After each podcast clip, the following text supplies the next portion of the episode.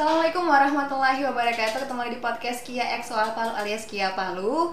Hari ini teman saya akhirnya bisa juga ya setelah saya jebak ya. Awalnya kalau diminta dia tidak mau. Jadi kalau dijebak baru dia mau. Langsung saja ada Eka Putra Idris. Halo teman-teman, halo Kia. Halo. Kayak jodoh ya, jodoh itu dijebak. Oh gitu, oh gitu. Berarti jodohmu kemarin kau jebak kan? gitu lah. Gimana kabarnya?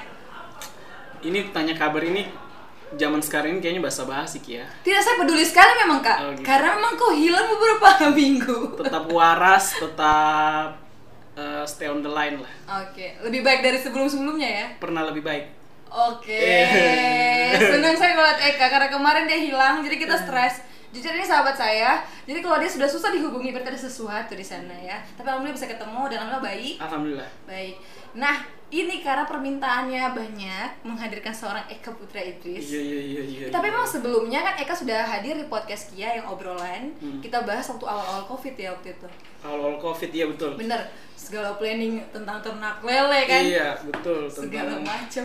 Jadi tahun ini itu eh, 80% kita punya planning tidak ada yang tercapai Iya sih. tahun ini. Kita baru meri apa ya menulis segala planning di awal tahun ternyata kita harus Ya, ternyata kita harus sadar kita cuma manusia biasa, Bener ya. toh. dan ada sang maha eh, apa namanya, sang maha pencipta yang menentukan semuanya, dan punya dan dia punya takdir yang lain istilahnya ya. maha perencana. Mm-mm, dan kita udah ternyata sudah tahun sudah bulan, bulan keberapa nih bulan ke-9 kah Covid ini? Maret toh, Iya, Maret, dari April, Mei, berapa? Juni, Juli, Agustus, September, Oktober, November. 8 Delapan, ya. sembilan. Iya, mau 9 Desember. kan. Oke, dari eh, Covid kan udah 9 bulan nih, Kak. Iya. Nah, nah, kalau Eka kan fokusnya di bisnisnya ini sekolah. Sekolah, sekolah. Eka adalah ketua yayasan atau CEO Yayasan Cahaya Halifah Palu yang di dalamnya ada SD Islam Halifah, terus ada TK, apa? TK, TK Halifah sama daycare. child. daycare ya. Ah, ah. Nah, dan di saat Covid itulah yang paling nggak bisa jalan kan. Perse- Ya. ah, ah, sekolah kan semuanya lagi off dan kayaknya mau mulai di awal Januari tapi belum tahu juga kepastiannya bagaimana nih selama Covid ini sebagai CEO sebuah sekolah. Iya, Gimana? jadi eh, alhamdulillah memang maksudnya karena kita dianugerahi eh, tim-tim yang hebat, Mm-mm. alhamdulillah kepala sekolah-kepala sekolah di sekolah ini mereka struggling ya. Mereka strong, mereka punya visi tetap jalan. eh ya kondisi sekolah memang semua kita sama kan, kita semua sama, kita pernah tidak ada yang pernah menjalani ini. Benar. terus belum ada metode yang tepat untuk bagaimana mengajarkan anak-anak online. Jadi semua trial and error trial and error. Ya tapi kita eh, dalam waktu 9 bulan teman-teman di sekolah sudah coba beradaptasi. Kita juga sudah ada offline. Kita visitasi kan? Walaupun mereka tidak belajar di Oh gitu. Iya, kita vis- visitasi, jadi dikumpulkan small group, tetap dengan protokol kesehatan karena pendidikan ini juga paling penting untuk anak-anak sekarang. Benar, benar. Kalau kalau tidak mereka downgrade, ya kan sudah tidak belajar, main game, terus merasa libur, kan terus orang tua juga ternyata belum siap Iya. dan menjadi guru dan teknologi juga belum mampu men- menjawab eh, apa namanya menggantikan guru jadi memang mau tidak mau kita berpikir keras untuk itu dan alhamdulillah sekarang sudah mulai survive sudah mulai adaptif dan insya Allah kemarin ada eh, dari kementerian yang menyatakan insya Allah tang- bulan Januari sudah bisa dibuka kembali tapi tergantung kepala daerah ya. Kita berdoa saja mudah-mudahan bisa dibuka kembali. Ah, bener karena memang eh, kan kalau Eka sekolahnya bagian basic istilahnya ya. Betul, TK iya. dan itu benar-benar yang membentuk anak di masa depan Iya, iya, itu iya. pondasi istilahnya kalau salah pondasinya salah seterusnya Nah, kan itu dia. Ah, ah, Iya, itu jadi dia. memang itu sangat apa ya tanggung jawabnya besar. besar sekali Betul. kan dan tidak bisa cuma melalui online bener iya, kan iya.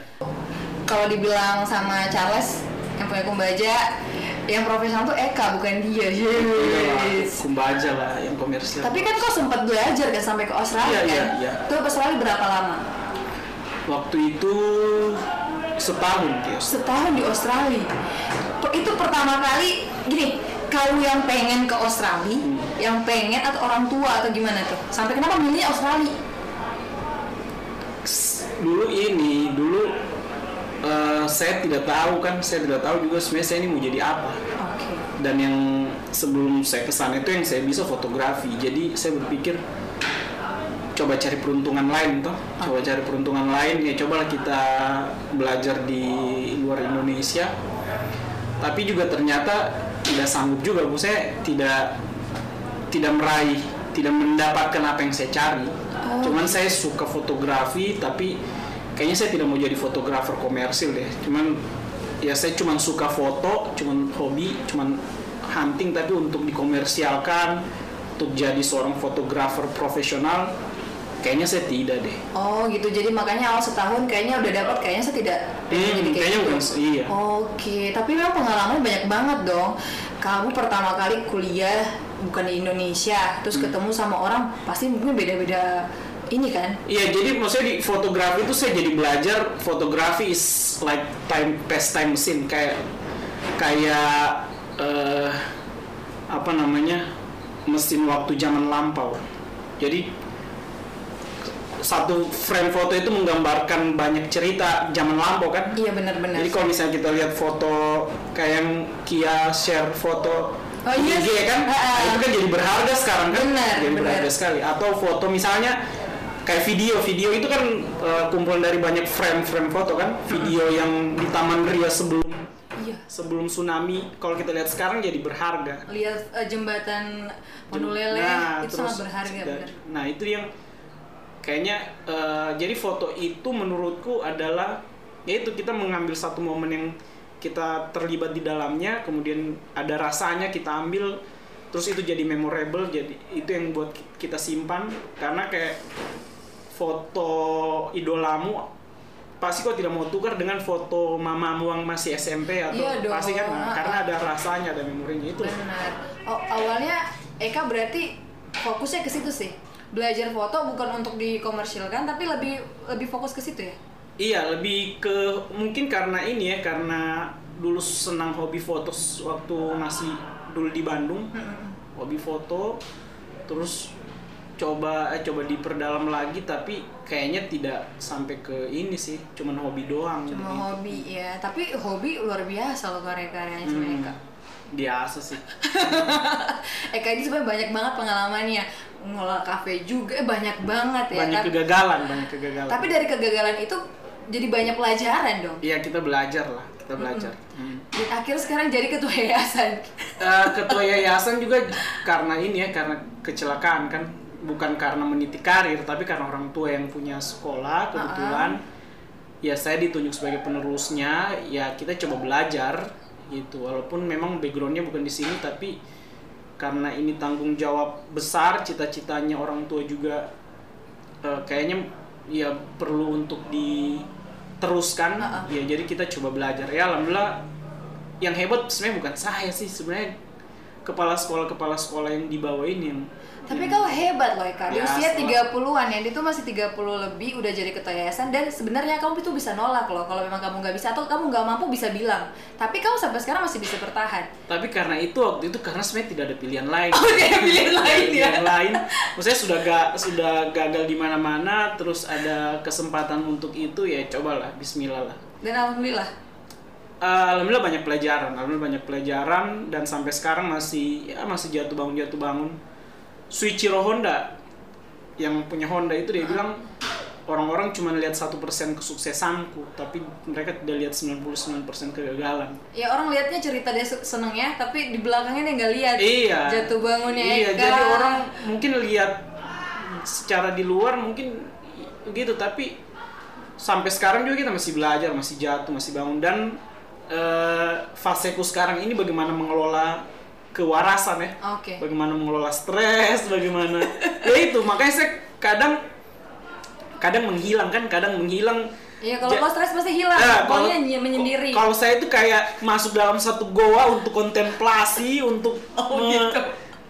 merefreshkan kembali pikiran kan, mewaraskan kembali, baru eh, muncul muncul kembali ke permukaan. Nah, alhamdulillah beberapa bulan terakhir ini saya belajar tentang mindfulness, tentang mindfulness itu kita senantiasa berada istilahnya. Jadi kita hidup itu bukan kita itu sebenarnya terganggu stres itu karena kita berpikir masa depan yang belum tentu terjadi Ah, ah, terlalu apa ya? Istilahnya Terlalu cemas. Ah, terlalu cemas dan, dan kayak memikirkan masa lalu yang sudah terjadi Oh iya sih. dan itu Antara kan dua sebenarnya kita tidak bisa kita tidak bisa ubah Iya, masa lalu nggak bisa dirubah dan masa Ah. depan kita nggak tahu kayak gimana. Kita Istilahnya kayak gitu kan. jadi makanya itu yang bikin kita stres jadi dengan mindfulness itu istilahnya kita senantiasa berada saat ini kini kita berpikir saat ini saat ini juga tanpa handphone misalnya kita ketinggalan HP uh langsung cemas segala macam tapi kalau kita lebih eh, berpikir lebih jernih lagi sebenarnya tanpa handphone pun kita masih bisa hidup kok Iya. dunia juga tidak terlalu tidak bagaimana kok Tapi Cuma memang sih untuk Eka pasti posisinya sulit. Satu, basicmu bukan misalnya ya. Hmm. Kalau saya di posisinya Eka, Eka harus meneruskan sekolah yang memang bukan basicmu, bukan kesukaanmu, bukan bidangmu, istilahnya kayak Iya, gitu. iya, iya. Tapi kamu adalah salah satu satu-satunya jalan ya. Cuman kamu, kamu tidak bisa milih. Hmm. Pasti stres karena ini sekolah, saya harus jadi langsung jadi ketua yayasan. Hmm, apa ya? Istilahnya baru. Iya, banyak PR. Ah, banyak PR. Terus belum lagi kejadian-kejadian yang kemarin ya, kejadian dari keluarga, belum lagi COVID. iya Itu seorang Eka yang usia masih muda banget ya. Belum ada pengalaman istilahnya juga walaupun mungkin orang basic dari pendidikan juga pasti stres dong. Hmm. Jadi wajar kalau kamu stres dan menghilang. iya jadi what doesn't kill you make you stronger apa yang tidak apa pun masalah yang kau dapat yang tidak bikin kau mati bikin kau tambah kuat tambah dewasa jadi ya kita kita coba ambil pelajaran dari situ ya. Kita coba ambil pelajaran. Iya dan sekarang itu saya menyadari kalau istri itu penting ya. Pasangan hidup itu penting. Ya, Saya- bener-bener. Nah, saya kadang di level terendah yang saya rasa dalam hidupku tapi ada istri yang yang bisa support yang bisa support Oh, berarti salah satu tipsnya ya kalau Anda Menikah. menikah. Terhindar dari stres menikah. Karena ada orang yang untuk teman kita sharing yang tidak akan meninggalkan kita lagi sendiri, ya kan? Teman berbagi dan lebih paham ya yang kita butuhkan. Harusnya kayak gitu kan. dan sebenarnya stres itu sesuatu yang normal ternyata sesuatu yang normal dia ada kita tidak it's okay to be not okay kan Iya. Wis, langsung nonton film itu saya kemarin. ada film itu Ada dong. Iya, itu bahas tentang itu juga. biasa saja untuk jadi orang biasa gitu kan Iya, iya. dulu mungkin karena kita punya eh, kita punya egoisme remaja Bener. kita mau jadi yang terhebat, yang terkeren, yang wah begitu dan tidak ter- tergapai jadi ada jadi beban sendiri. Tapi ternyata jadi orang biasa-biasa itu ya biasa aja begitu.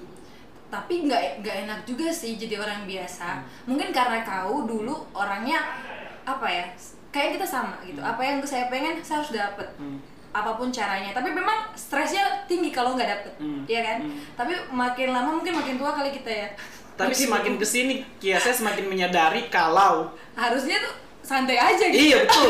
Maksudnya dalam hidup ini tidak semua yang kita Mau, mau itu kita dapat. iya karena yang paling penting bukan yang kita inginkan tetapi yang kita butuhkan sebenarnya yang kita dapat. Bener banget. Itu mungkin pesan buat teman-teman juga yang masih muda nih, la- apalagi di kondisi kayak COVID misalnya ya. Dia belajar SMA yang paling sulit sih. Kayak kemarin sering sama Bunda Maya, mereka sekolah cuma online, tiba-tiba lulus Iya. nggak tahu saya ini mau ke mana, belum tahu saya sukanya apa gitu. Dia belum paham lapan kecerdasannya mungkin ya. Betul, betul. Dia belum tahu saya ke depannya akan jadi apa. Walaupun juga ada yang paham, tapi mungkin kondisi lingkungannya nggak mendukung Iya, iya. misalnya kayak saya saya pengen jadi seorang presenter TV tapi orang tua saya nggak dukung gimana zaman dulu kan Betul. jangan menghayal jadi pegawai negeri aja kayak gitu Iya, kan iya, iya. nah ini anak-anak pasti stres gitu jadi bagaimana pesannya Eka buat anak-anak muda yang dulu mungkin ingat masa lalunya Eka yang kayak gitu apa pesannya buat anak-anak muda buat anak-anak muda itu banyak mencoba sih kalau saya menurutku banyak mencoba terus jangan takut gagal. Dan kegagalan itu sebenarnya satu paket sih sebenarnya dengan sampai sekarang juga saya belum merasa sukses-sukses banget ya maksudnya banyak kegagalan banyak kegagalan banyak pelajaran banyak kegagalan banyak pelajaran. Yang penting bukan tentang seberapa cepat kita naik ya? Naik tapi seberapa eh begini begini. Tidak apa-apa kita terlambat iya. yang penting kita bergerak. Yang asal tidak stuck ya? Asal kita tidak diam. Bener Hmm, tapi sebenarnya diam untuk kontemplasi kontemplasi itu kayak merenungi. Jadi saya juga senang traveling toh tapi sebenarnya travel yang bagus itu menurutku bukan keluar tapi ke dalam diri. Jadi kita itu betul-betul sebenarnya si Kia Ramayani Zaki Ramayani ini siapa sih? Apa sih yang dia pengen dalam Iya hidup? sebenarnya banyak orang yang tidak paham dirinya sendiri nah kan. itu yang itu yang saya terus tanya sampai sekarang saya tanya terus. Sebenarnya Eka Putra Idris ini dia ini siapa sih? Sebenarnya kau ini maunya apa sih Eka? Oke. sebenarnya kau ini diciptakan hidup di dunia ini misimu itu apa sih? Nah kalau kita dapat itu apa yang kita lakukan terus apa yang orang suka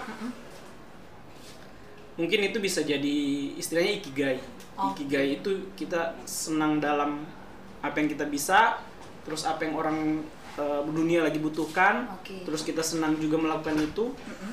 yang mungkin Oke. mencari ikigai itu Dan jadi berarti penting banget ya buat anak-anak muda sekarang pahami yang sempat juga dibilang sharing Bunda Maya nanti juga akan ada videonya di sini Bunda Maya j- jelaskan kalau kau harus paham delapan kecerdasannya.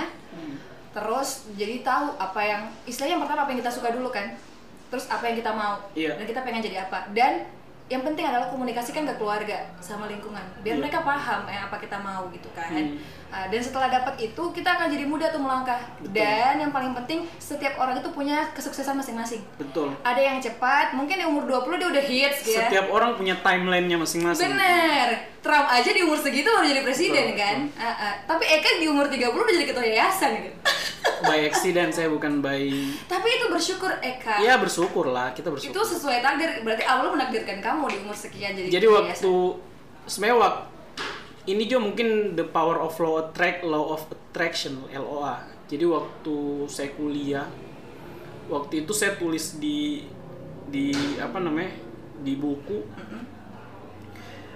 Memang saya tulis cita-cita aku itu waktu itu ada halifah-halifah yang saya buka. Oh, jadi gitu? waktu itu saya saya lihat ada dua yang di luar kita melihat di luar Indonesia tuh ada dua yang bisa merubah paradigma berpikir orang-orang Indonesia karena dulu mungkin berpikirnya bebas Mm-mm. media dan sekolah Oke. karena media sekolah itu menciptakan kita tahu satu tambah satu atau ABC Iya, dari benar, sekolah dan media is controlling society's mind atau kita itu dikontrol media Kia pakai baju ini pakai style ini karena lihat Instagram Iya ya kan? benar, ah, media Gitu. bisa ngatur semuanya. jadi kayaknya saya besar saya mau buat sekolah dan media. Itu dan sama dengan Heeh. sama dengan eh, menciptakan khalifah. Itu saya tulis. Oh gitu. dan secara tidak sadar sekarang namanya khalifah. Secara tidak sadar loh. Jadi ternyata terakhir lagi nih, berarti pesannya apa pun yang kalian pikirkan, apa pun yang kalian tuliskan itu bisa jadi doa. bisa yang penting dirasakan. Jadi saya belajar law of attraction itu sebenarnya kita memvisualisasikan istilahnya afirmasi kan Benar. kita mengafirmasikan apa yang kita mau ke depannya Iya benar.